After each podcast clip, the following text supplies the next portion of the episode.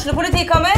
Ine Jansen er purk. Er du purk? The motherfucking bitch. Alt jeg vil, er å finne ut hva som skjedde med mannen min. Jon Carew. Er jeg sikta for noe? Iben Akeli. Det er du. Ole So, Lars Berrum og Big Daddy Karsten. Hvem sin side er du på, egentlig? Anette Hoff, Tone Danielsen, Kommer du fra Afrika? Jørnis Josef, Nesten. Kløfta. Trond Espen Seim, Det er synd å si det, men det var feil mann som døde. Purk. Premiere tirsdag på TV2 Play.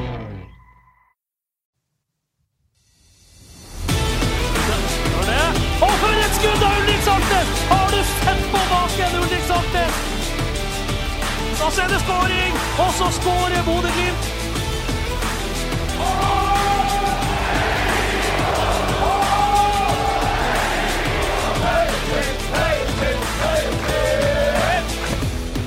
Riktig, riktig god dag, kjære lyttere. Og endelig kan vi si at det er sesongstart på Aspmyra. For denne uken så skal det brake løs når Lech Poznan kommer og åpner sesongen eh, til Glimt. Det skal vi selvfølgelig snakke om, og så skal vi ikke minst snakke med og om en eh, jeg vil nesten kalle han legende i dagens sending, nemlig Roar Stokke. Heng med.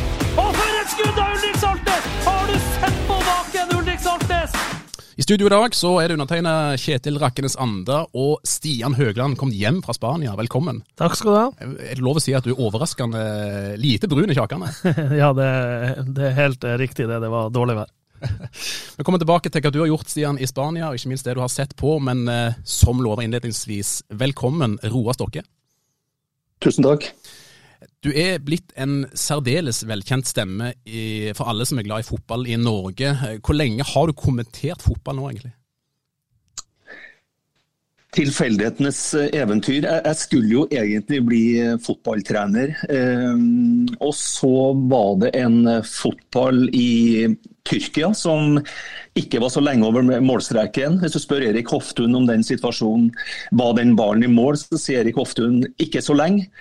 Eh, Og det var faktisk forskjellen på at Rosenborg ble med i Champions League fra 95. Og da ble på en måte alle de planene mine eh, endra på. Og, jeg starta med P4 og radio, eh, Champions League med Rosenborg, landslag og litt sånne ting. Og så har jeg vært på TV siden i 98, da, Champions League, som jeg sikkert er mest kjent for. Mange ville kanskje si at du har en drømmejobb. Ser du på det sjøl? At du får dra til Old Trafford og Anfield, og ikke minst Aspmyra for å kommentere god fotball. Hvor, hvor eh, heldig føler du er at vi, du har den jobben du har? Um, nei, men altså, jeg, kjenner, jeg er blitt en gammel mann etter hvert, og jeg, jeg kjenner, kjenner mye folk. og det er kanskje det samme som f.eks. En, en musiker som er glad i musikk, at du får lov til å utøve hobbyen din.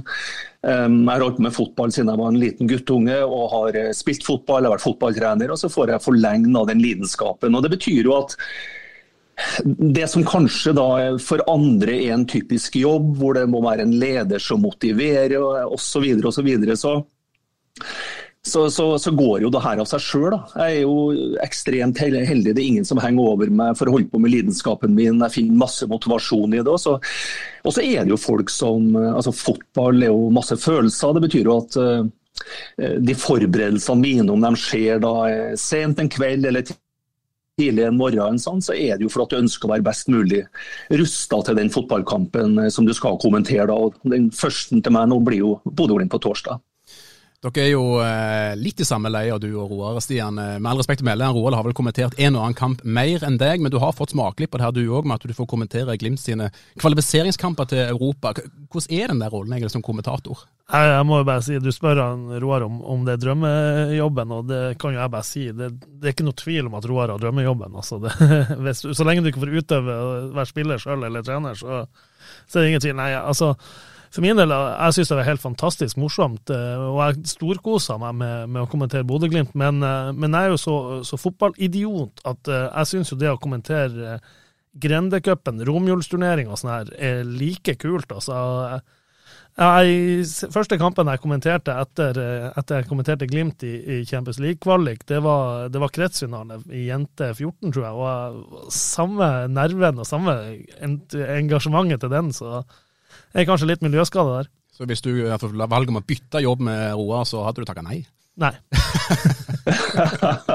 Men kan, kan ikke jeg få, få smette inn Jeg, jeg kjenner jo en det der, og, og, det er jo og veldig mange som, som, som, som tror at uh, hvis du er fotballkommentator og holdt på, jeg har vært så heldig å få lov til å kommentere 20 finaler i Champions League, det tror jeg er en sånn uh, norgesrekord som kommer til å bli stående til evig tid, kanskje. men men det er jo ikke sånn det er. Altså, du, du, har jo like stor glede av Burton Albion i, i FA-cupens første runde, eller om du om jeg kommenterte uh, fotballkamper i Norge også. ikke sant? Altså det, fordi at når, når, du forbereder deg, så skjønner du at det er viktig, sånn uansett hvilket nivå, om det er jeg kan ta bare en sånn kjapp historie. Jeg hadde en, en veldig god kollega som forsvant altfor tidlig i Knut, Knut Torbjørn Eggen. da.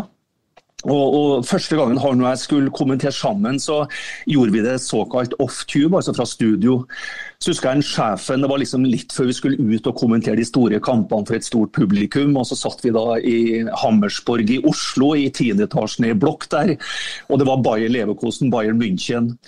Og så husker jeg en sjefen sa men, men dere må legge litt i det nå, så later dere som om det er mye folk. og Så, så, så, så spør Knut Torbjørn men hvor mange som ser en sånn kamp.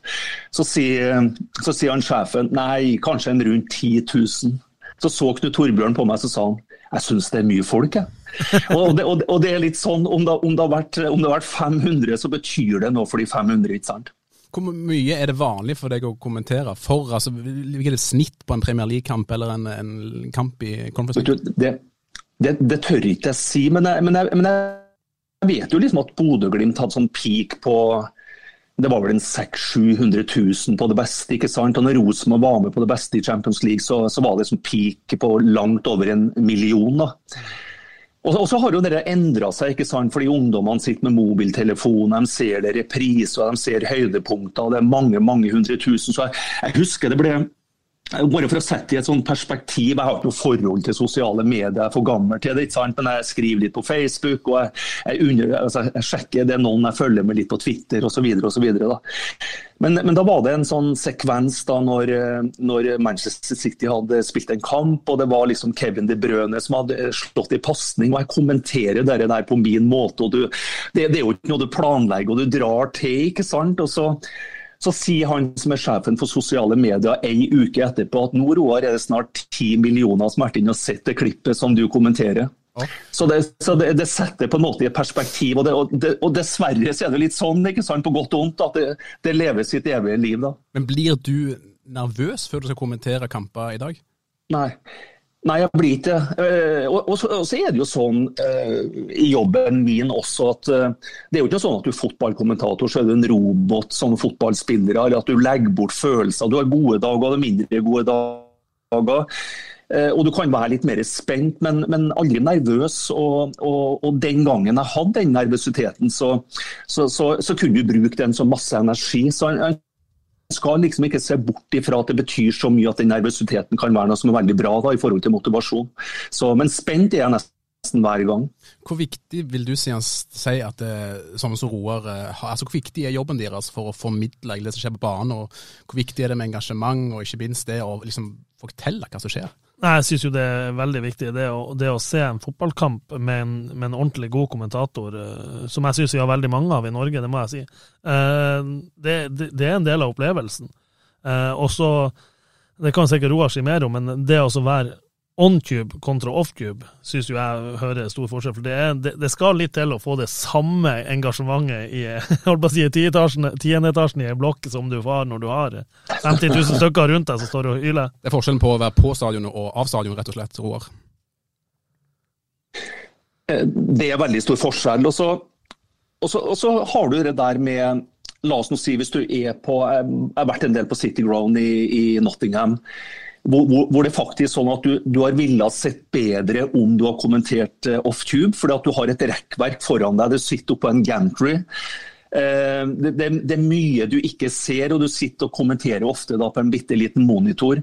Um, men, men, så, men, så, får du på en måte da, Det som er gratis, er jo det du får Den krafta du får. Når, når 30 40 50 000, eller når Bodø-Glimt-supporterne synger jeg vet meg et land. Altså, altså, det, det, betyr du får den krafta, og da kan du tillate deg å snakke mer med magen. Og jeg må si at i forhold til det som blir sagt også, jeg kjenner jo igjen forskjellen, og jeg hører veldig godt forskjellen på dem som sitter i et studio og ønsker å late som de er på stadion. Eh, og du kanskje overspiller og snakker litt for høyt og litt for skingrende med brystkassa opp i halsen. ikke sant? Så du hører når du er på, på plass da, og får hjelp fra publikum, så kan du lene deg litt mer tilbake. Du får litt mer kraft, og du kommenterer mer fra magen. Det er der du skal gjøre det ifra. Jeg får spurt om det før jeg glemmer det. Hva er som er din favoritt norske kommentator, eh, Roar? Jeg, jeg, jeg, har liksom aldri vært en som har sittet for jeg skulle aldri bli kommentator. Jeg har liksom aldri hatt noen drøm om å være det. Jeg var, jeg var litt sånn introvert, beskjeden fyr som, som, som grudde meg veldig til å være fotballtrener. For dem som er eldre enn meg, jeg ble spillende trener som 26-27-åring i, i andredivisjon. Så, så hvis noen har sagt til meg for 30 år siden liksom, at Roar, du skal, du skal, få en stemme som mange kjenner igjen og har et forhold til, og sånn, så er jeg bare ledd av det. ikke sant? Eh, men, men, så blir, er det noe med at blir, du blir til da, eh, eh, underveis i den prosessen. ikke sant? Og du kommenterer for få, og du kommenterer for flere. da, men jeg er jo, jeg er jo vokst opp det, det på en måte jeg har lært mest av Arne Skeie, som er den stemmen sånn, fra min generasjon da jeg var ung. da, og Det jeg har lært aller mest, det er ikke det, det tekniske i forhold til å utøve eh, kommentatorrollen, men respekten, forberedelsene og det genuine i forhold til om det var hopprenn eller om det var fotballkamper. Og Det tror jeg ble sagt i sted, og det er kanskje det aller viktigste. Selv om jeg òg pakker inn ting, kanskje at det kommer en kommentar her og der og en latter der, og at det høres litt sånn lettbent ut. så så, så, er det en veldig stor grad av respekt i det. og Det tror jeg Arne Skeie var den jeg vokste opp med som, som hadde. Og så var det jo Knut Teogledic også, som, som, var en ordkunstner av rang. Jeg var veldig glad i Tor Eggen. Sønnen min var en stor fan av Tor som en legende. ikke sant? Og, så, men, men, det aller viktigste for meg når jeg ble spurt, det var jeg blir den første trønderen, eh, på godt og vondt. Du har den dialekta du har, og folk vil like deg eller mislike deg bare av det. Eh, og da Det eneste jeg bestemte meg for i 95, jeg må få lov til å være meg sjøl 100% og det har vært fra dag én. Du har jo en sånn, i hvert fall etter min påstand, en veldig sånn særegen og si, original måte å kommentere på, altså ut ifra stemmebruk og måten du sier ting på. altså Er det noe som du har fokus på å reindyrke, eller har det liksom bare blitt sånn av seg sjøl? Nei, det, det, det er bare naturlig for meg. Det, det, er bare sånn jeg er. Det, det er liksom Roar 100% jeg, Ikke noe tilgjort. Og så er det kanskje noe i det at Um, La oss si på, For en østlending, da, jeg skal forklare hvilken skoleklasse jeg går i. Jeg er i A, jeg også, vil de si på Østlandet. I Trøndelag så sier du jeg er i A, jeg òg. Så det er, det er, klart at det er noen ord som jeg sikkert pynter litt på for å bli forstått. Og så har det på en måte blitt en del av dagligtalen når jeg kommenterer. Da. Men det er ikke noe jeg tenker på, det er ikke noe jeg planlegger, det er ikke noe jeg evaluerer. Det, det, det, liksom, er sånn jeg er da. Før vi går litt eh, videre, så vil jeg spørre deg òg, Roar. Hvordan er det du egentlig forbereder deg eh, til en kamp før du skal kommentere nå eh, på torsdag? Hvordan forbereder du deg da? I de timene nå før, før, vi snakker sammen og møtes i denne podkasten, så, så, har jeg sett veldig mye på Lech Poznan. Og, og, og, har fått med meg veldig mye av de høydepunktene og, og de fire seriekampene som de da har eh, spilt, for å, på en måte danne meg et bilde av hvor, hva, hva er det Bodø-Glimt kan, kan, møte. Så jeg brukte jeg liksom ganske mange timer i forrige uke. Jeg så dem litt i helga. Jeg så den generalprøven deres. Nå har jeg sett høydepunktet av det, så jeg har et veldig godt bilde av hvilket lag og sånn kvaliteten på dem på, på det laget Bodø-Glimt møter er. Eh, spillertyper, rollene de har osv. osv. Og, og, det, og det er kanskje litt av det jeg forklarte i sted også, at det var ikke noe sånn naturgitt at jeg skulle bli fotballkommentator. Eh, og det betyr betyr også at jeg klamrer meg fortsatt veldig fast til forberedelsene, og, og, og forbereder meg egentlig veldig, sånn i, i, overkant mye, vil jeg tro. Da. Så jeg, når jeg har med Lars for eksempel, og vi er to, så ser jeg jo at av all den informasjonen som jeg har Jeg kunne sikkert holdt et foredrag på fem timer om begge lag, ikke sant? og jeg får bruk kanskje for 5% av det. Men, men, det gir meg en sånn nødvendig trygghet til at jeg har forståelse av hva er Bodø-Glimt og hva er Lech Poznan. Men du, Stian? Ja, nei, Det du sier der Jeg var på, var på et sånn mediasamling, og da hadde vi kommentering som, som tema. Og det, og det, det var et av, et av punktene tør å holde kjeft, og tør altså Du må ikke ut med all informasjon du har samla inn. Altså Det er kun du som vet uh, hvilken informasjon du ikke forteller. For du, du, du, opplever jo noen ganger at en kommentator Det er tydelig at han har ei A4-side med, med, statistikk, og så plutselig så kommer det liksom et sånn minutt hvor han bare egentlig ramser opp masse statistikk. Eh, det kan du la være. Det er vel et legendarisk klipp òg fra eller om det er en av medieproduksjonen, der det er en person som sitter og kommenterer en kamp eh, og egentlig nileser på sine notater, og mm. samtidig så skåres det et mål, og får ikke målet med seg. og Det er vel skrekken, Roar, at noe sånt skal skje?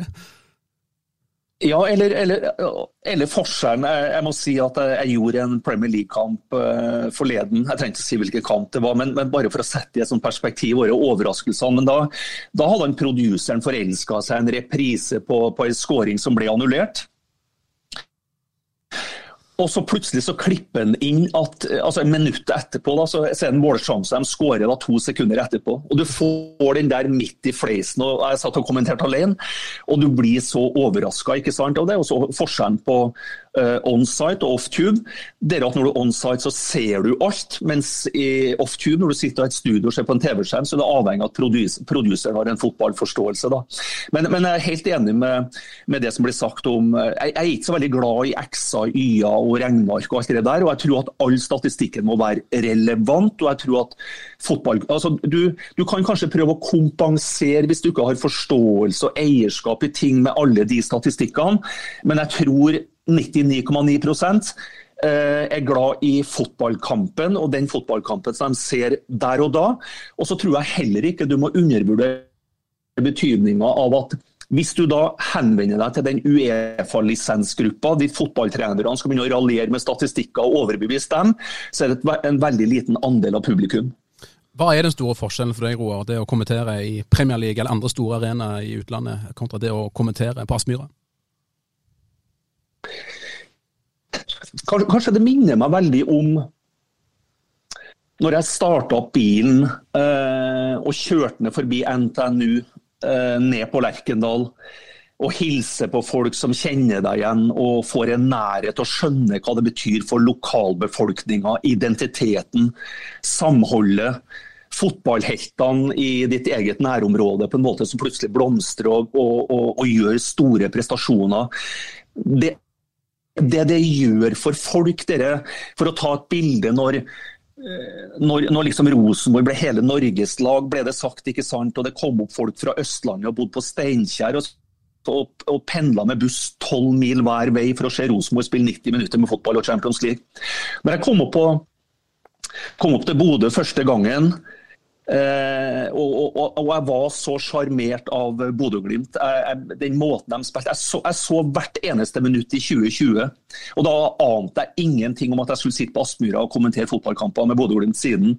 Men, men, jeg var så begeistra av Kjetil Knutsen. Jeg var begeistra for Jeg fikk meg, jeg fikk med meg hymnen i forkant. Publikum, hva det betydde for Bodø. Jeg kjente på mange måter, jeg kjente i magen at det her er faktisk det samme som, som var på Lerkendal. den stemmen stemninga, det samholdet, øh, identiteten, hva det, hva det, gjorde. Og jeg skjønte den krafta det genererte for, for, alle og en hel landsdel.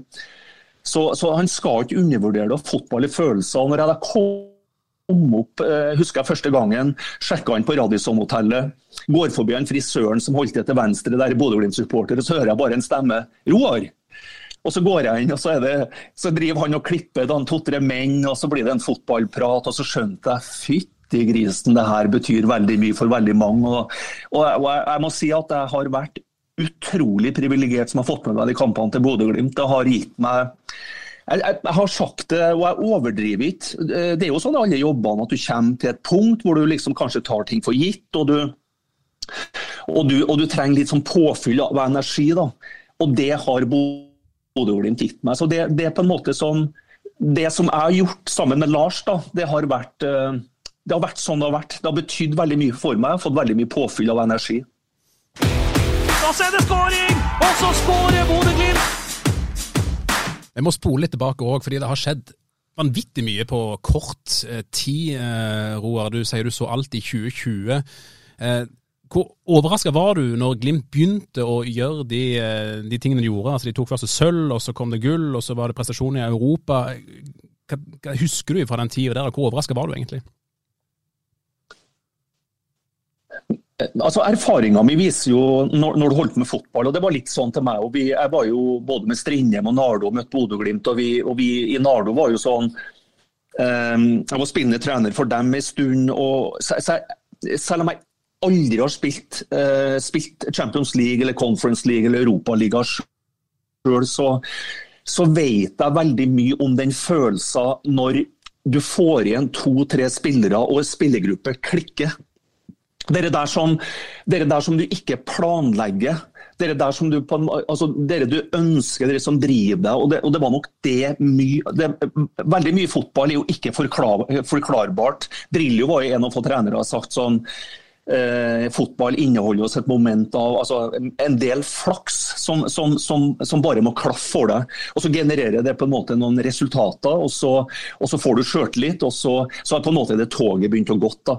Og det, og det, tror jeg nok i veldig stor grad. altså Møysommelig godt arbeid, god spillelogistikk, utvikling av spillere. Kjetil Knutsen som er en fantastisk fin type. Mange gode ledere. Så du, du, skjønner, du skjønte, og jeg skjønner at her er det mye som er planlagt. Eh, men akkurat det at det klikker, det der i 2020 på en måte at du, du tar liksom Fotball-Norge med storm. Det, der, det, tror jeg kanskje ikke det går an å planlegge eh, for, for, for, alle trenere. Det tror jeg heller ikke for Bodø-Glimt. Men det som imponerer meg enda mer, tror jeg er når du gjenskaper det. Når, når, når, de spillerne som skårer over 100 mål i Eliteserien eh, forsvinner, og du skal begynne å erstatte det med en Botheim som liksom hadde sittet på benken eh, i, i, Rosenborg og, og, du på en måte har skapt den vinnerkulturen og den kulturen som da utvikler alle som kommer dit. Det, det, er da på en måte du blir litt sånn bergtatt av hva er det egentlig som foregår. Hvem er Kjetil Knutsen? Hva er Bodø-Glimt? Er det de har på gang nå. ikke sant?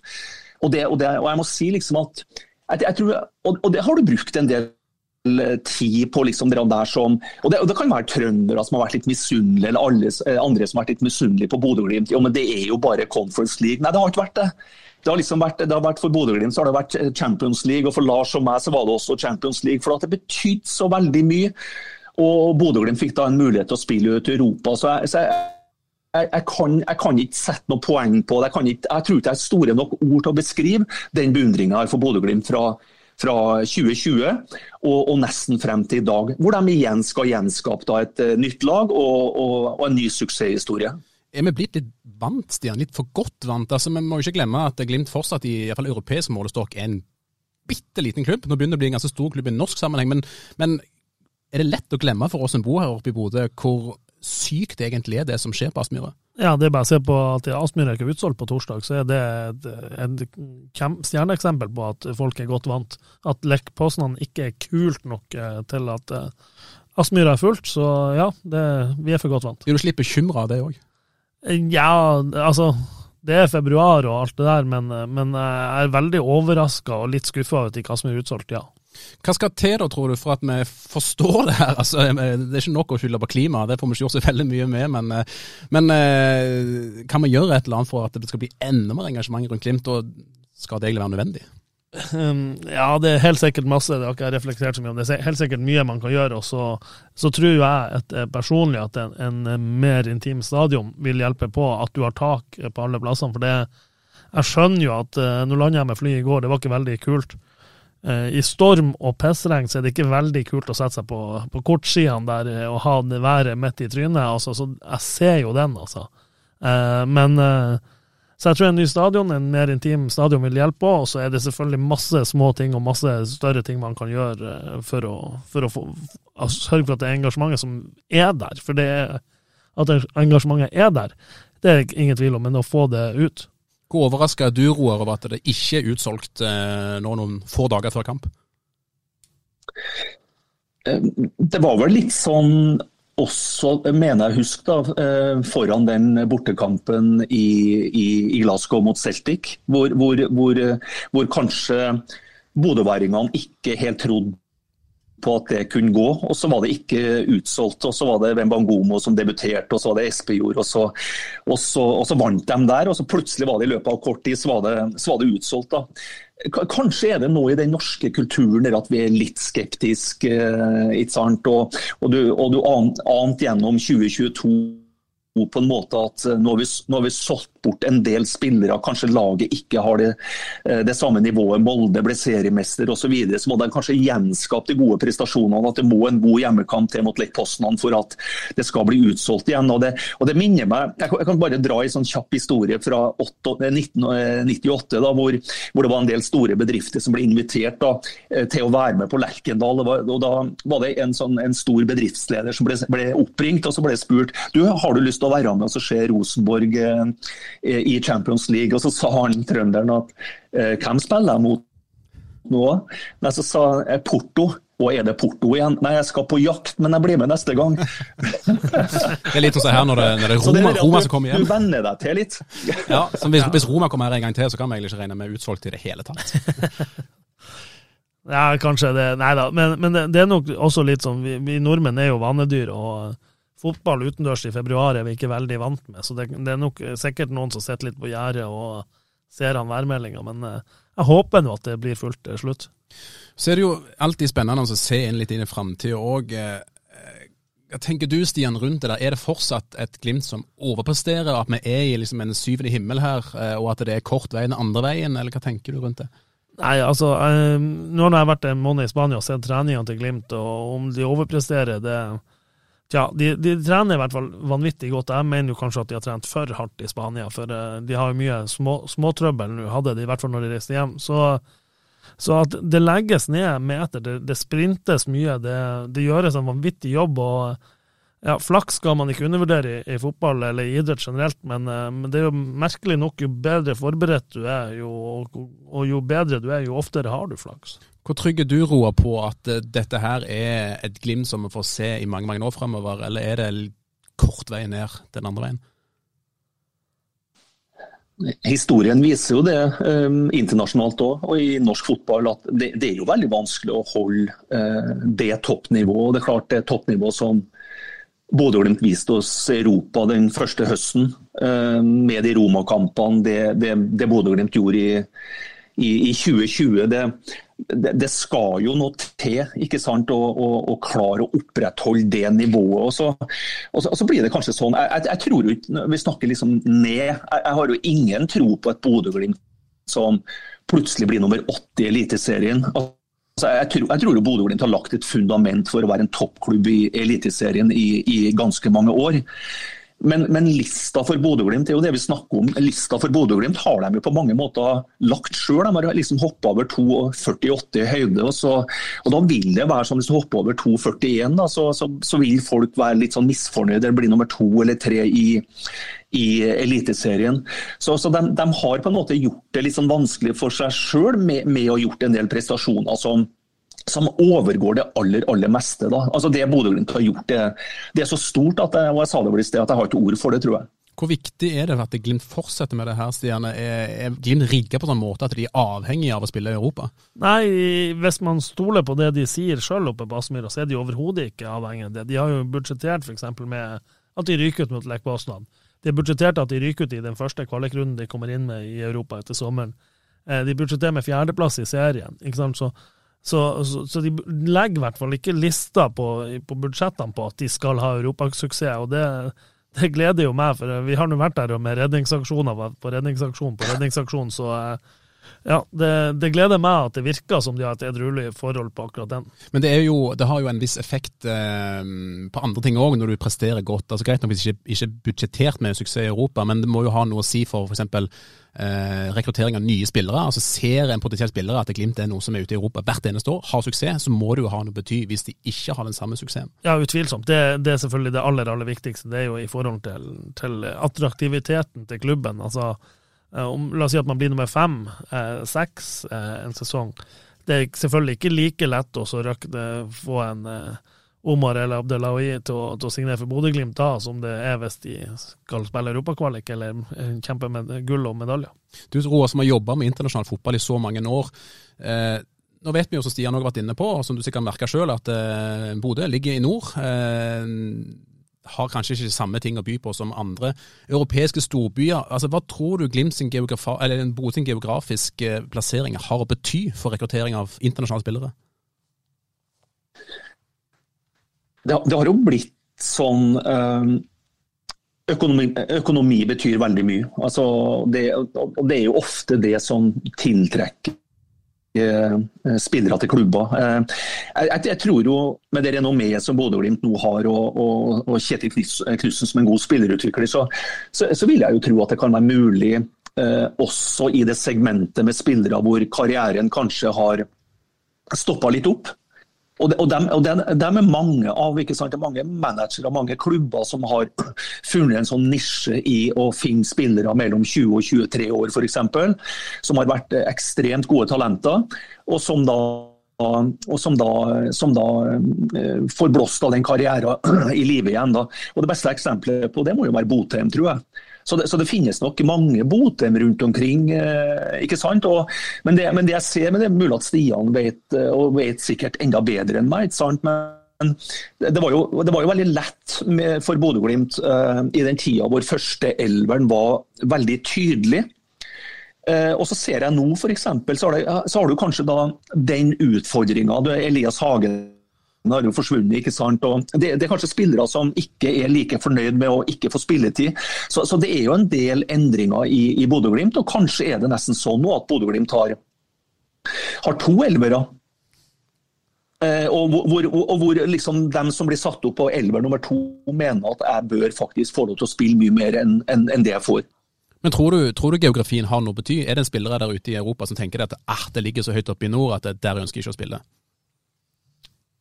Nei, jeg tror, jeg tror, de seriøse spillerne som, som Kjetil Knutsen og Bodø-Glimt alltid sikter på, altså dem som har personlighet og karakter og sånn, det, det, det, tror jeg er mer underordna.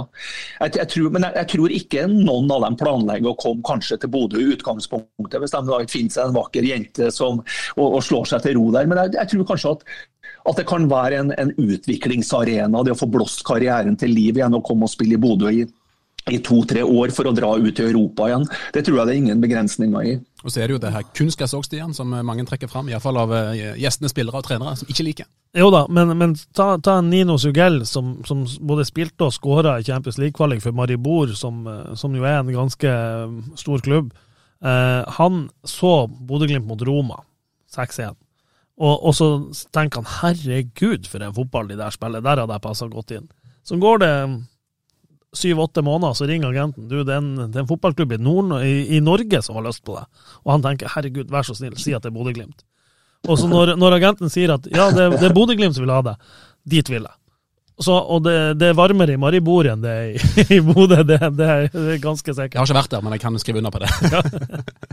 jeg må spørre, spørre deg òg om det, Roar. Eh, noe som eh, iallfall er snakket om veldig mye oppe i Bodø siste tiden, siste året kanskje spesielt. Det er jo hva som skjer med de Glimt-spillerne som går ut av klubben, ut i den store verden, skal gjøre suksess. Eh, men så går det kort tid før de kommer tilbake igjen. da. Hva tanker gjør du deg rundt det? Det jeg ser eh, altså Bodø-Glimt er jo eh, de samme spillerne i de samme rollene, hvor de samme spillerne vet eh, hva de skal gjøre i, i, veldig mange ulike situasjoner. Det er det de øver på, de detaljene om å spille hverandre god. Og så kan du, så kan du se, hvis du, hvis du, går inn og ser på La oss si lekke Poznan nå, f.eks. Så går du og tar for deg noen av de spillerne. og kommer han Velde, eks Kristiansund. Så, så, så, ser du på, på, de spillerne hvor de spiller i løpet av en sesong. Så kan du si at en, en, en Pellegrino i, i Bodø-Glimt spiller på venstrekanten. Eh, ikke sant? Altså, du er låst opp ofte i en rolle, i et system. Eh, så rigid er det ofte ikke i internasjonal fotball. så Det betyr at eh, la oss si Kristoffer Welde, da, som var i Kristiansund, eller Kostmann, kan spille tre-fire tre, forskjellige roller i løpet av en sesong. Og, og, kanskje har mye større frihet på siste tredel av banen. Så kanskje kan noe av forklaringa ligge der. Det kan være noe i kultur, det kan være at du kommer ut eh, så er det profesjonelle utøvere som konkurrerer om plass. Du har ikke den tilhørigheten som du har i Bodø-Glimt, som er vi og kollektivt og Kjetil Knutsen. og så at det, at det, er mer, en mer brutal hverdag da, eh, enn en det kanskje er i norsk fotball. Kanskje. Stian berga deg inn, Roa, på at Velde spilte i Haugesund og ikke i Kristiansund. Nei, Haugesund. Unnskyld, unnskyld. unnskyld. Det er Sund, i hvert fall. Ja, det er i hvert fall et, et Sund, men det var ikke rett Sund. Jeg må bare spørre om det er lite sidespor når vi først er inne på det. Får du mye eh, kritikk og hets, Roa, når dere gjør et eller annet feil på TV? Ja, det kan jeg. Det, det, det, det får alle. Altså det, og det får vi. Det er mange som, er mange som følger med, så det, og det, er liksom helt greit. Ja. Altså det, det, var ingen som har sagt til meg at uh, du, du, må være, du, må være, perfekt. Du må være 100 feilfri. For da, da, da jeg tror jeg meldt meg av ganske tidlig. jeg måtte bare spørre. Men tilbake til det der med de som kommer tilbake til Bodø-stiene. Det, det er snakket veldig mye om før. Men, men, tror du det er dårlig reklame for norsk fotball, og ikke bare Glimt?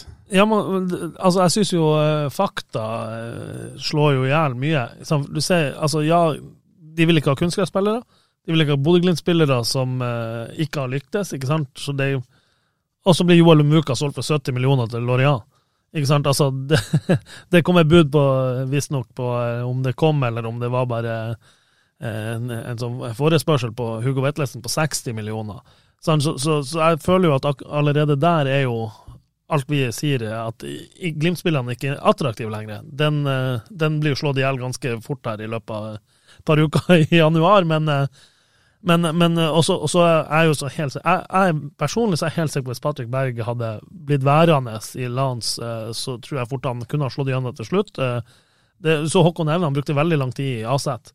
Og så begynte han å spille fast, og så ble han skadd, selvfølgelig. Og så, så merkelig nok så ble han solgt etter det. Det, det overraska meg. Men uh, Victor Boniface gjør det veldig bra i Belgia.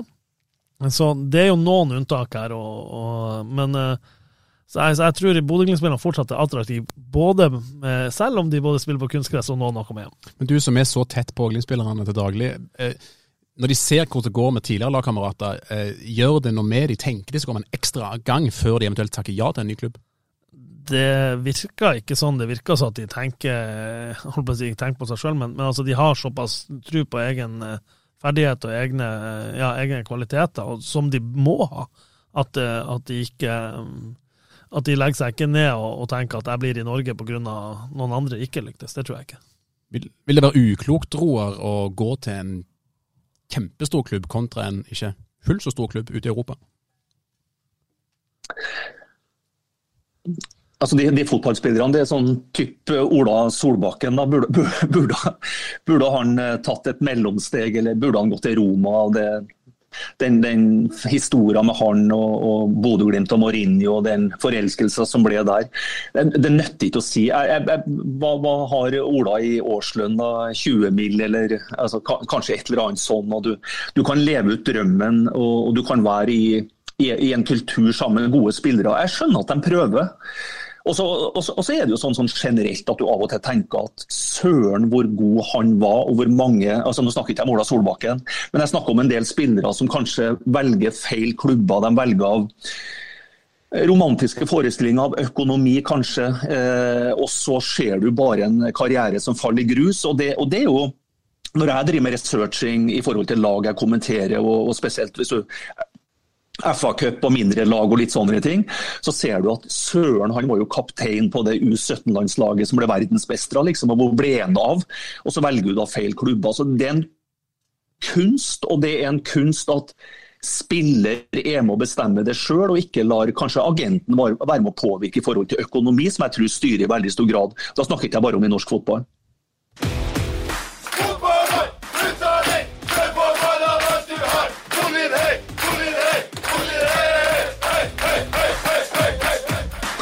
fin den sangen der, Stian.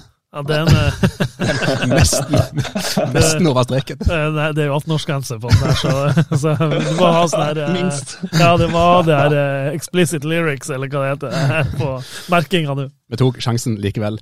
Det er som sagt eh, innledningsvis eh, endelig sesongstart, får vi si, på torsdag. Eh, og Vi må ta med oss litt det som du har vært med på i Spania, Stian. En måned i skulle ønske jeg kunne si sol og varme. Det ble det ikke, men det har vært mye glimt og vært mye hard trening. Hvis du skal trekke med deg tre ting, da tar den på sparket, tre ting fra Spania? Eh, veldig, veldig gode treninger, bra humør på guttene som ikke så ut som de fikk um, noe um, brakkesyke. Eh, mange ser ordentlig fit ut. Ser ut som de er veldig, veldig godt trent. Sånn, ta f.eks. en Brede Moe som ikke sto over eneste trening i løpet av en måned. Eh, Nå jinxer vi den, må banke bordet her. Um, hva vi skal ta Ja, nei, altså Altså, ta med meg De har mye å jobbe med. Altså, det er, kanskje, det er jo ikke en positiv ting, men det, det, er mye å jobbe med. De har en del å, å rette på. Det har ikke svingt voldsomt av Bodø-Glimt offensivt eh, i vinter. Men eh, vi satt med litt av samme følelsen eh, før Celtic-kampen i fjor, og det svingte ganske bra offensivt på Celtic Park. Hvor mye har du, Roa, fått med deg av det som Glimt har eh, spilt av kamper i Spania? Jeg har fått med meg ganske mye av det. Uh, ja, og, og du, det er så vanskelig, ikke sant. Altså, Stian som ser dem på treninga, kjenner spillerne så godt som han gjør. Han, han, han ser jo den fysiske formen han kunne. Han ser hvor på de er og, og, og kan sikkert eh, ta, ha mye mer som status for hvor Bodø-Glimt er nå. Men det, det, er veldig vanskelig. ikke sant? Vi, vi, vi, får, ikke, svaret på det før, på torsdag. For, for det, det, det 100% sikker på at eh, Bodø-Glimt møter et veldig bra lag, og, og at Bodø-Glimt må være i veldig god form for å ha muligheten på avansement over to kamper mot Lake Poznan. Er du urolig, Stian, på noen måte inn mot torsdag? Nei, det er jeg ikke. Altså, det, det, altså for meg er det, dette rene bonuskamper for Bodø-Glimt. Altså, det er ikke Jeg er ikke i den jeg, jeg er ikke i den trua at Bodø-Glimt kommer til å vinne Conference League. Eh, det var utrolig kult i fjor med å komme seg helt til kvartfinale, og håper selvfølgelig på det, men eh, jeg tar det som bonuskamper, dette. Og så, er jeg helt enig med Roar, for jeg har sett Lech Poznan i Jeg så de ikke på lørdag, for da satt jeg på fly, men ellers så jeg de tre første kampene de har spilt etter, eh, etter jul, og, og det er et veldig robust lag. Det, de, de, har gitt vekk litt rom i en del ting, men de slipper jo nesten ikke i mål. De er veldig solide og har i hvert fall gjort jobben sin på dødballtrekk, for det tror jeg det, var vel knapp, det har vel knapt vært en dødball uten at de har kommet med en, et eller annet uh, trekk. Hva møter Glimt i Lech Poznan, Roar? Ja, det som Stian sier, det er, det er veldig mye fysikk. Um, og, den, og, det er et lag som har bygd veldig mye av angrepsspillet sitt rundt Isak, uh, altså den svenske kapteinen sin, som er Altså, jeg, jeg, ser frem til duellen mellom han og Brede Mo. Fordi han, han, er kjempesterk og binder opp begge stopperne. Og så har du rundt han en del fotrappe spillere. Det, det, er et lag som jeg tror klær Bodø-Glimt veldig godt. Det er et lag som er bedre offensivt enn defensivt. Det er et lag som Stian sier, som gir bort en del rom. Jeg ser kontringsmuligheter for Bodø-Glimt. Eh, jeg ser en, en, del mellomrom, jeg ser en del bakrom. Jeg ser stoppere som er veldig gode når de har spilt foran seg. De, de har liksom tre stoppere som skifter litt på, som er rundt, rundt og over 1,90. Og så har de en fantastisk god keeper i Bednarek, som er en matchvinner. Og så er Isak spissen. Så, så, så, det er et veldig interessant lag. Det er et lag som kommer alltid til målsjanser. Det er mye fart offensivt, men de spiller også med høy risiko. Og så er det som du har rapportert mye om fra Spania, Stian, at det, eh, det har vært eh, knallharde treninger over lang tid, og det, det sliter på, på, troppen. Ta, når du var på trening i dag, men ta skadelista. Altså, hvem er ikke tilgjengelig av de som er i europatroppen? Eh, det er jo selvfølgelig sånn Ulrik Saltnes og Sondre Brunstad Fet er jo de, de mest sentrale, da. Så håper man og tror at både Brisveen Bangomo og Amal Pellegrino tålte overgangen til kunstgress. Nå har jeg, ikke, har vært på reise mens, mens Glimt har trent til de kom hjem, så det kan Freddy gi oss en oppdatering på den i løpet av dagen, kanskje. Eh, Hugo Vetlesen er jo suspendert i hjemmekampen. Eh, ellers er det vel um, mye, mye sånn småtteri. Eh, det har vært mange som har hatt kjenninger her og der, og det er jo et tegn på, i og med at det, eh, at det er belastningsskader, at det, det kan ha vært trent hardt. Runar Espejord er vi også veldig spent på. Jeg måtte, måtte gå av eh, på en trening et, eh, etter ei uke ca. i Spania og trent alternativt eh, siden det. Var oppe i full spurt før, før han dro hjem, så forhåpentligvis er også han klar til torsdag. Men det er mye smårusk, føler jeg egentlig. Det, det er ikke mange som er veldig altså Langtidsskada, det er jo Ulrik og, og Fet, men ellers så, så er det mye smårusk. Du skal få lov Kan jeg, kan jeg, spør, kan jeg få spørre Stian om en ting? Ja. Hvor, Bjørtuft, eh, Bjørtuft hvor, hvor, god er han sånn? Har han kommet inn? Jeg, jeg syns jo det innhoppet eh, var veldig lovende. Og Faris, kan han komme inn og umiddelbart bare gjøre en, en forskjell? Research på lufta her. ja. Nei, ja, altså Odin Bjørtuft eh, det tror jeg er en spiller som Glimt veldig veldig gjerne skulle ha hatt med i den europacuptroppen. For han, han, har vært ordentlig god. Eh, ja. Han har imponert med både både det der med duellstyrke, men ikke minst der hvor han er med ball, og, og, og gjør jo det Kjetil Knutsen elsker, stopper altså tar ta med seg ball forbi ledd. Nå har han fire stykker som gjør det. Eh, så må jeg også si en annen som er imponert med, det er Adam Sørensen eh, på venstreback, som også ser ut som en maskin. Ja. Eh, vanvittig godt eh, fysisk grunnlag på han. Eh, PMI Faris, det er jo et beist. Altså, gud hjelpe meg den fysikken. Jeg, jeg tok et bilde av ham på første treninga. Den lårmuskelen som er på bildet, det det var jo syklistlår. Altså, det, så han kommer til å gjøre vondt. Han kan, han kan sikkert plage de her 1,90-stopperne litt. Så er det hvor god fysisk form er han i, og så må han jo holde hodet litt mer kaldt enn han gjør mot Silkeborg. Er det, mm. Nå er det mandag i dag, og mye kan skje på fram til kampen og innen eh, du som lytter hører denne podden. Men det var snakk om at det røde kortet til Pemi Farris kunne medføre en, en karantene eh, mot Lech Poznan? Nei, ja, altså, det, I verste fall, man vet ikke. Det har jo vært sånn i Norge, hvis du får en, et rødkort i treningskamp som medfører mer enn én kamp karantene, eh, så må du sone i første obligatoriske kamp i Norge. Jeg har ikke hørt noe Det er jo en sånn worst case scenario om at det kan skje noe i Europa, men det tror jeg ikke. Eh, for det, det, det, Jeg har aldri hørt om det før, og så stygt var det da vitterlig ikke. Nei, Du kjenner kanskje reglene godt, Roar? eller? Ja, jeg mener at Stian har rett, at det ikke skal være noe karantene. at det skal være. Tilgjengelig på, på torsdag. Ja. Du, skal få lov begge to på eh, sparket her også, å spå laget på, eh, på, torsdag. For det er jo, eh, som du sier Stian, litt sånn små rusk her og der, og ikke minst en usikkerhet om hvem skal erstatte Hugo Vettelsen. Så du kan begynne. Hvem Nei, altså, altså, jeg syns jo ikke det er noe Å spå laget til Bodø-Glimt er ganske Så lenge de som, som er med i troppen nå er, er friske, så er det ganske enkelt. Det blir, eh, det blir jo Julian Faye Lund i mål. Eh, det blir Brisveen Mangomo, Brede Mo, Marius Lode, Adam Sørensen. Det blir Morten Ågnes Konradsen, Patrick Berg, Albert Grønbæk, og så blir det Joelum Vuka, Pemi Faries og Amahl Pellegrino. Vi stopper litt på Konradsen, for det er jo en som òg har vært plaga mye av skader. Ja. Eh, hvor, hvorfor er du så sikker på at han spiller? Eh, for at jeg ser ikke noe andre alternativ. I, det er han som er indreløper igjen i troppen. Eh, og Morten så ble drilla som indreløper på alle treninger frem til han fikk en eh, kjenning, han også.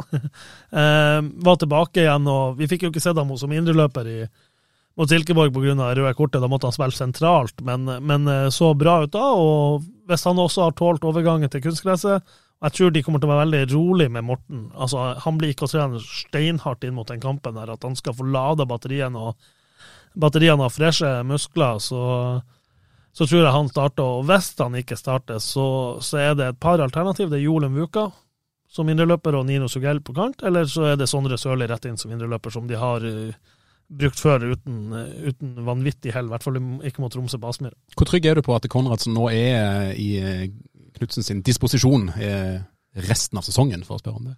Eh, det kan man selvfølgelig ikke være sikker på, men Morten har sagt til meg i et intervju som, som kommer, holdt på å si, det at hans mål i år det er å være mer tilgjengelig enn han har vært før, og prøve å gjøre de grepene som, skal til for det. Det vil bl.a. si at han skal la den fantastiske skuddfoten hans hvile ganske mye på trening og ikke stå og skyte, eh, for det har han funnet ut at det er en del av det bildet som gjør at han har fått litt sånn småtrøbler med muskler.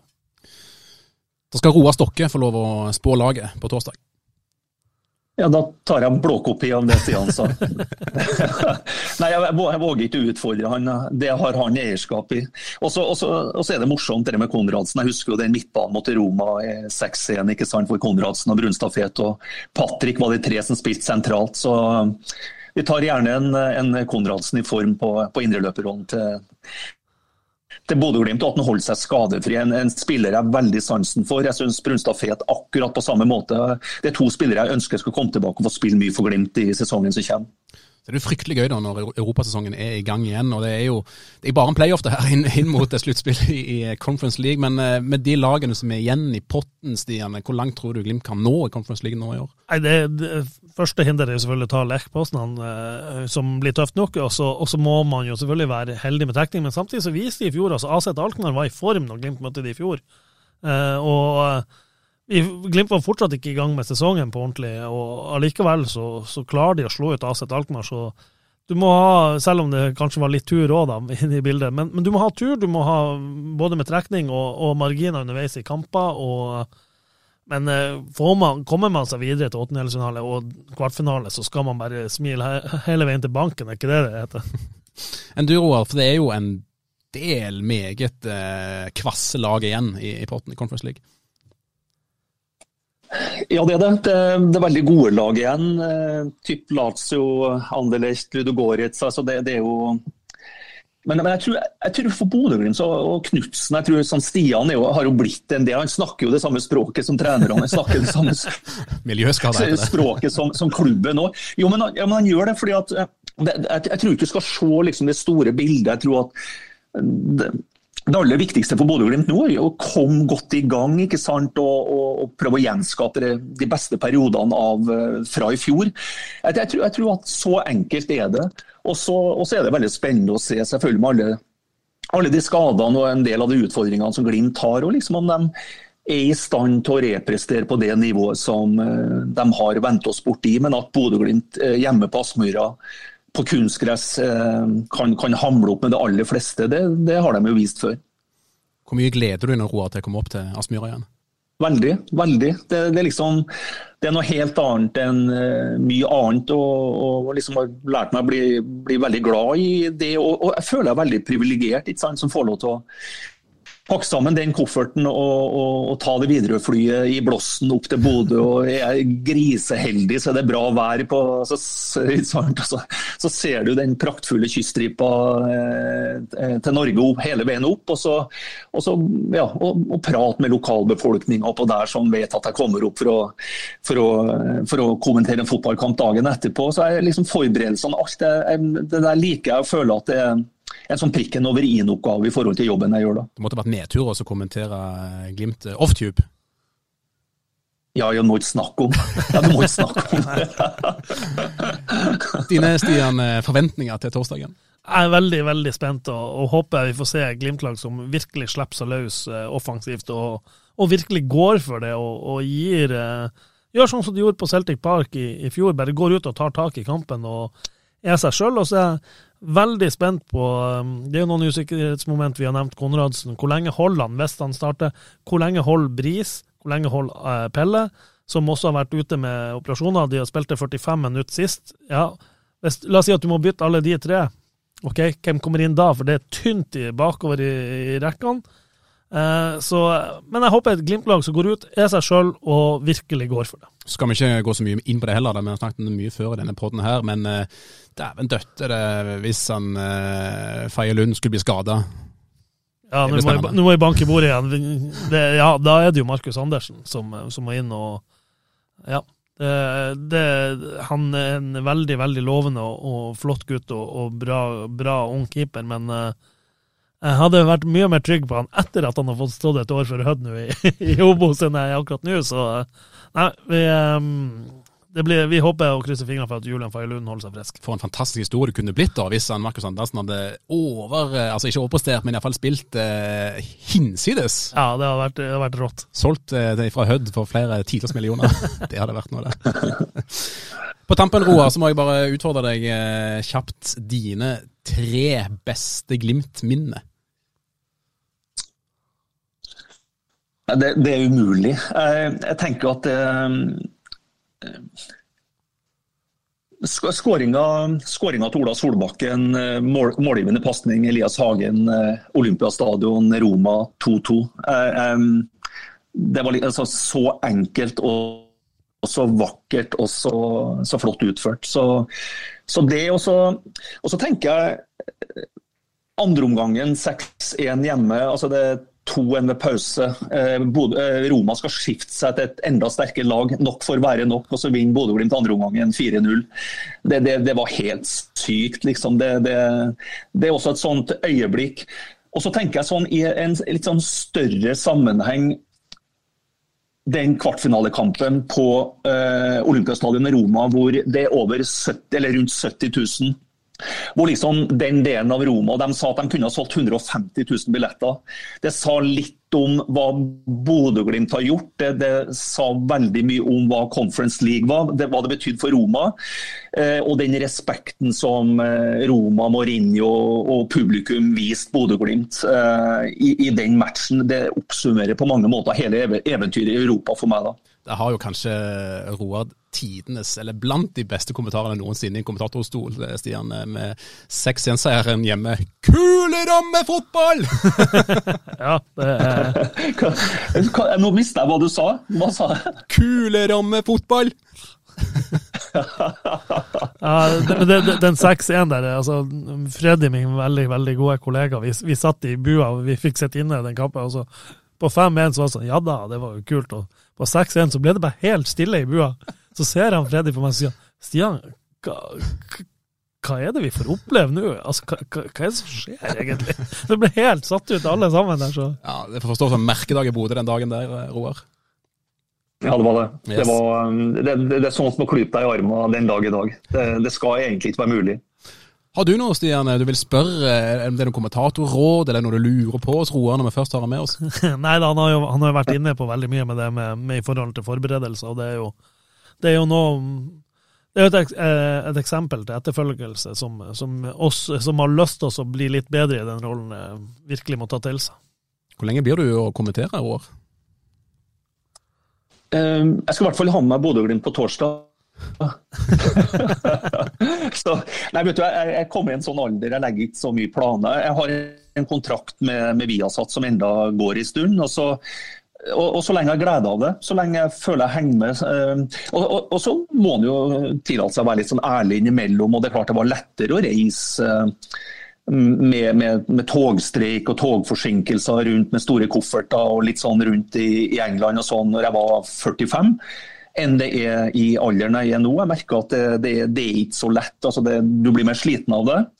Eh, og så har det jo selvfølgelig blitt sånn eh, det året hvor jeg fikk lov til å ha Bodø-Glimt den første sesongen i Europa, så var det veldig få kamper. Det var en sånn mellomsesong for Viasat. og nå er det jo kamper hver eneste helg, og så kommer europacupspill, og så har vi FA-cup og så har vi ligacup og sånn. Så det blir et høyt antall uh, kamper. Men, men, så lenge jeg føler jeg har overskudd, så lenge jeg ikke syns det er noe heft ved å forberede meg, og så lenge at jeg føler at det går bra, så lenge hodet er hjemme og så sånne ting, og entusiasmen, så, så, så kommer jeg til å holde på en stund til. Et skrekkscenario for deg må jo være hvis du får halsbetennelse eller mister stemmen. Da er du jo satt sjakkmatt. Jeg, gjorde, jeg fikk faktisk eh, betennelse, og, og da, det er første gangen siden i 98 at jeg sto over fotballkamper eh, etterpå. Da skulle jeg egentlig reise og gjøre FA-cupen. Jeg satt og kommenterte sammen med Lars Ellen Road Leeds mot Westham. Og da Jeg hadde våkna da med litt vondt i halsen, og så sparte jeg den, tenkte jeg da, og så sprakk faktisk Jeg mista stemmen under den kampen og fikk masse da Det var ingen som reagerte noe negativt på det, men, men den sprakk når det var skåringssjanser og litt sånne ting. Jeg hadde fryktelig vondt i halsen. Så da, da, da, måtte jeg for første gang da, på siden i 98 kaste inn håndkleet og, og, sa fra meg de, de onside-kampene i, i FA-cupen den helga. Og så tok jeg noen hviledager, så, men så kom jeg meg igjen. da, Men, men, men det var ei uggen opplevelse. Da er rutinen sånn at hvis du sier fra deg onsite-kamper, så er det noen som overtar offsite. Så det er alltid en ny kommentator å ta av. Det er en reserve. Nettopp. nettopp. Så da var det en som het uh, Eivind Bisgaard Sunde, som sikkert bare lynkjapt pakka, pakka, kofferten og fikk med seg tre veldig gode kamper i, i FA-cupen. Veldig bra. Vi kunne sikkert sittet og snakket lenge her om røverhistorier og hvordan du forbereder deg til kamp og i det hele tatt, Roar. Men uh, timen er straks passert, så jeg har lyst til å si tusen hjertelig takk, Roar, for at du var med oss. Lykke til på torsdag, og lykke til med resten av sesongen eh, både i Conference League og Premier League. Takk òg deg, Stian, for at du var med. Takk for dere som hørte på. og Husk at du får uh, alt siste nytt om Glimt på an.no. Ha en strålende dag.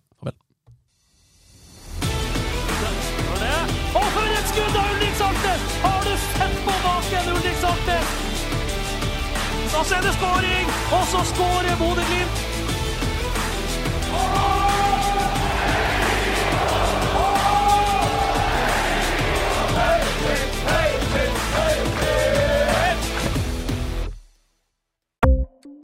Ukens annonsør er HelloFresh. HelloFresh er verdens ledende matkasseleverandør og kan være redningen i en travel hverdag. Mange av oss har nok vandret i butikken både sultne og uten en plan for middagen, som ender med at vi går for de samme kjedelige rettene gang på gang. Middag burde være dagens høydepunkt. Som Hello Fresh kan du nå velge mellom 25 ulike retter hver eneste uke, eller få Hello Fresh til å sette sammen menyen for deg. Dette gir deg muligheten til å prøve nye og spennende retter alene eller sammen med familien. Du velger antall porsjoner og får alt levert på døren på et tidspunkt som passer for deg. Oppskriftene er enkle, og maten er lett å lage både for store og for små. Ved å få alt levert hjem får du også mer tid til å dele matgleden med familie og venner. Kanskje det frister med asiatiske tacos eller greskinspirert kylling? Da kan jeg anbefale deg om å gå inn på hellofresh.no. Her kan du bruke koden FOTBALL og få opptil 1779 kroner i rabatt på de første fem matkastene hvis du ikke har prøvd Hello Fresh tidligere. Du kan også bruke rabatten hvis du har vært kunde og stoppet abonnementet ditt for tolv måneder siden eller lengre. Gå inn på hellofresh.no og bruk koden FOTBALL. Har du et enkeltpersonforetak eller en liten bedrift? Da er du sikkert lei av å høre meg snakke om hvor enkelt det er med kvitteringer og bilag i fiken, så vi eh, gir oss her, vi. Fordi vi liker enkelt. Fiken superenkelt regnskap.